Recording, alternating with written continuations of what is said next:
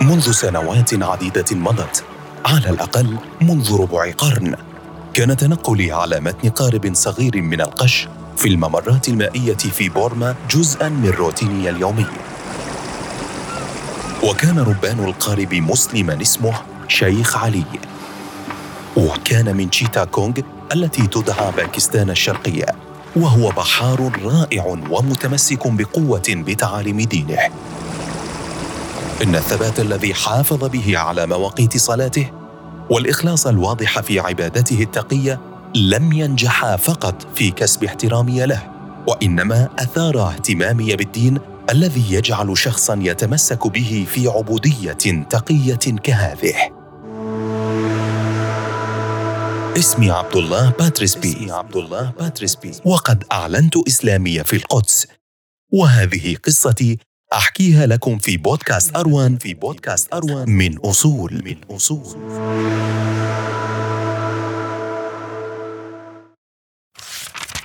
خطوتي الأولى نحو الإسلام كانت يوم اشتريت بعض الكتب عن تاريخ الإسلام وتعاليمه. تعرفت من خلالها على حياة النبي محمد صلى الله عليه وسلم وسيرته وإنجازاته العظيمة. وأحيانا كنت أتناقش فيها مع بعض أصدقائي المسلمين.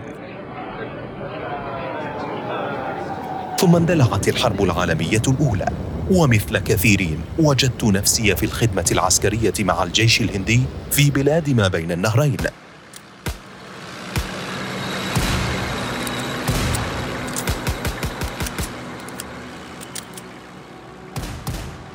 كنت بعيدا عن الأراضي البوذية وبين العرب الذين خرج من بينهم النبي صلى الله عليه وسلم.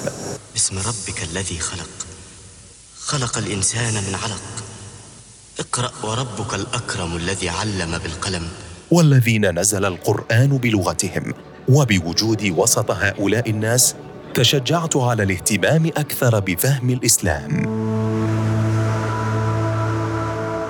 درست اللغة العربية واقتربت من الناس وأعجبت بثباتهم في عبادتهم وتدينهم إلى أن وجدت نفسي أعترف بأن الله حق واحد. على الرغم من أنني تربيت منذ صغري على أن الله ثالوث وتبين لي الآن أن الله ليس بثالوث وإنما هو واحد. لا إله إلا الله. وأردت الآن أن أصبح مسلما.